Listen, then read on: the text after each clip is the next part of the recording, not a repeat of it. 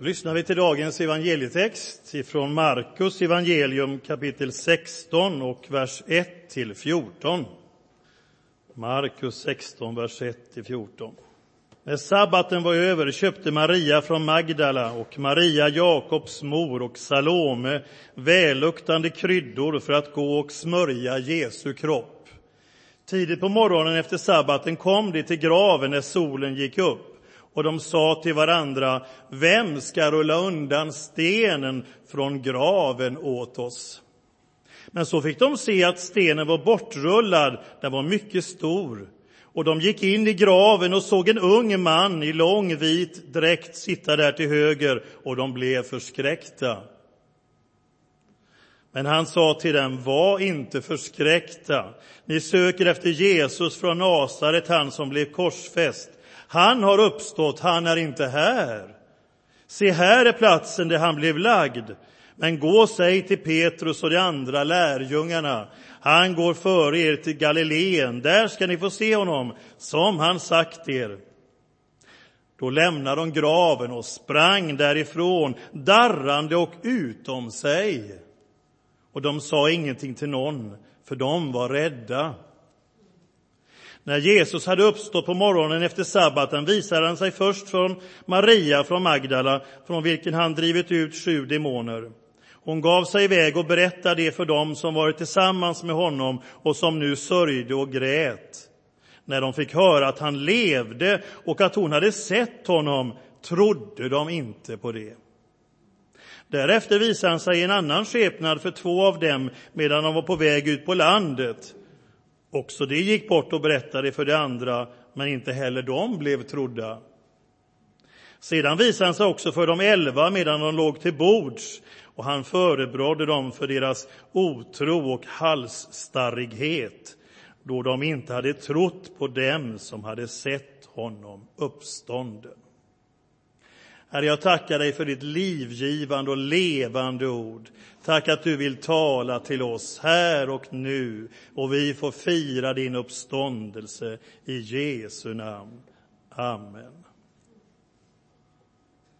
Lukas återger så här den sensationella hälsningen till dem som kommer till graven. Kvinnorna som kommer här först får hälsningen Varför söker ni den levande bland de döda? Han är inte här, han har uppstått. Varför söker ni den levande bland de döda? Han är inte här, han har uppstått. Påsken, världshistoriens viktigaste drama, vars budskap är att livet vann och dess namn är Jesus. Påsken, den oerhörda sanningen att Jesus har segrat över döden. En sanning som i grunden förändrat förutsättningarna för människans och världens nutida väl och framtid. Att inte himlen brast av glädje den morgonen.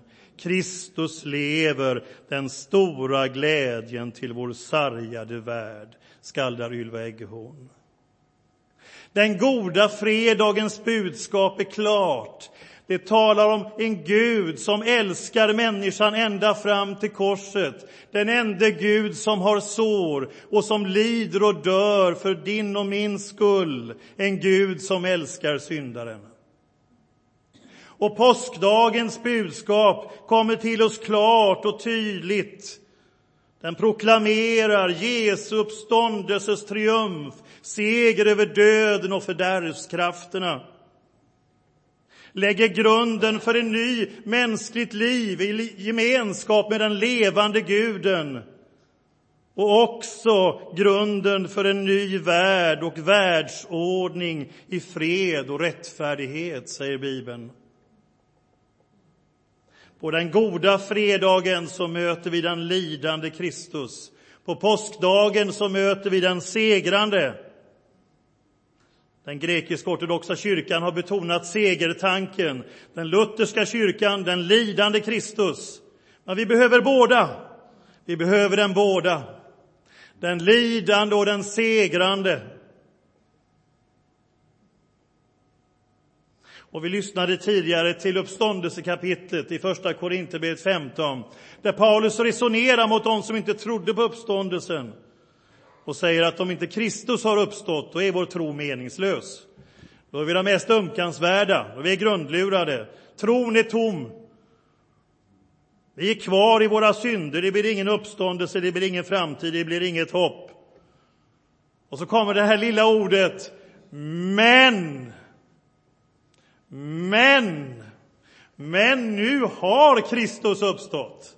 Ja, nu har Kristus uppstått. Vi tillber inga läror och ingen from idé. Vi är ett folk på vandring i tro på livets Gud.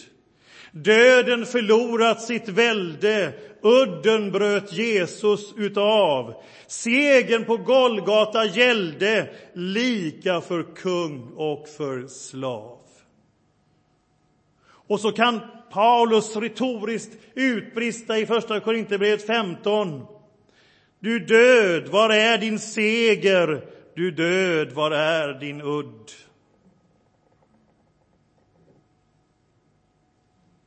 Döden är uppslukad, segern är vunnen. Och då kan Jesus träda fram och säga att den som tror på mig ska leva även om han dör. Och när jag går vid Fässbergs kyrkogård, för de som har gått före, mor och far och släktingar, så sjunger jag ofta om uppståndelsen. Döden har inte sista ordet, för livet vann och dess namn är Jesus. Men inte bara hopp för individen, för hans uppståndelse innebär också ett kollektivt hopp. Det finns hopp för vår värld. Paulus säger så här i sin predikan i Apostlagärningarna 17 och 31 om att Gud har fastställt en dag då han ska döma världen med rättfärdighet genom en man som han i förväg har bestämt därtill. Det har han bekräftat för alla människor genom att låta honom uppstå från de döda. Så Jesu uppståndelse öppnar vägen för att Fader vår kommer att bli besvarad. En dag så kommer Guds vilja ske på jorden så som i himmelen fullt ut. Petrus skriver om det och säger, men efter hans löfte väntar vi på nya himlar och en ny jord där rättfärdighet bor. Och psalmisten i psalm 85 och 11 poetiskt skönt beskriver verkligheten. Godhet och trofasthet ska där mötas, rättfärdighet och frid kyssas. Det kristna hoppet, framtidshoppet, är inte önskedrömmar eller luftiga idéer. Det har en fast förankring i honom som uppstod på tredje dagen och som besegrade det säkraste och vissaste av allt, döden. Kristendom är en uppstånden Jesus som lever idag. Och så erbjuds du och jag att få erfara Guds framtid i förtid. Vi får en försmak av den kommande världen. Bibeln säger att det eviga livet börjar här och nu. I gemenskapen med Gud så får vi en försmak av vad som komma skall. Det eviga livets gåva, gemenskapen med Gud, här och nu.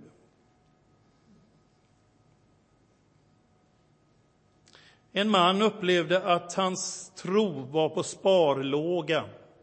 Han, han, kände att han ville åka till det heliga landet, för han hade mött andra som blivit så inspirerade i sin tro. Man varit i, i Israel.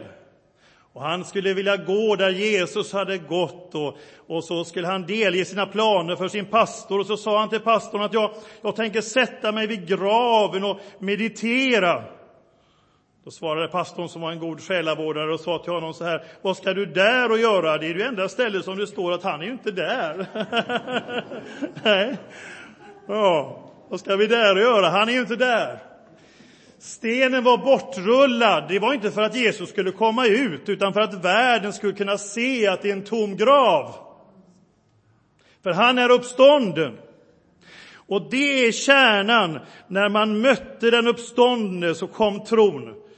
De var så halsstarriga, visst är det ett underbart ord? Jag var tvungen att slå upp det igen, alltså envishet, styvsinthet eller hårdnackad. Ja, varför är ni så halsstarriga? Varför är ni så tröga? Kan inte tro, jag är uppstånden. Så sitter de inlåsta bakom lyckta dörrar. Bakom låsta dörrar, elva sorgsna män. Kvar av alla drömmar fanns inte en enda en. Dödad och begraven var deras ledare. Stod han mitt ibland de livslevande. Där började tron. Och det innebar att tron på det dödas uppståndelse kunde bli en fast tro. Nu hade någonting satts igång som inte kunde stoppas. Jesus hade uppstått som den första och visar vägen. Och lärjungarna och övriga vännerna blir nästan bryskt ryckta ur sin sorg. Varför sörjer ni? Han lever ju och lever ett odödligt himmelskt liv som inte döden kan göra någonting åt, inte det minsta. Och vad hände? Jo, urkristendomens sammankomster efter Jesu uppståndelse, deras gudstjänster, det blev muntra tillställningar om ordet tillåts. Det var muntert och glatt. Det står i Apostlagärningarna 2.46 att de höll samman och möttes varje dag troget i templet och i hemmen bröt de brödet och höll måltid med varandra i jublande uppriktig glädje. Ja, det var jubelmöten, det var festlighet, det var eukaristi. På långfredagen hade de gömt sig och låst in sig, men nu var det från samma plats så stod dörrarna på vid gavel och det var, hördes högljutt sål och glada röster och skratt och jubelsång och halleluja. Ja, vad tror ni grannarna tänkte? Ja, och motståndarna, vad tänkte de? Här hade de ju krossat folkuppviglaren för Nasaret för alltid, fått tyst på honom för gott. Och så skiner hans anhängare som solen och har roligt, stormroligt och deras uppsluppna glam hörs lång väg. Ja, de hade fått smak på glädjen bortom graven och en framtid full av sång. Tron på den uppståndne Jesus är inte ett åsiktspaket som vi ska ta ställning till utan det är en verklighet att beröras av och hämta näring och hämta liv ifrån. Jesu uppståndelse det är en bekännelse som kyrkans, församlingen, hans folk bär. Men det är djupare än så. Det är en verklighet att leva i. En verklighet vibrerande av mänsklig erfarenhet och gudomlig kärleksfull kraft.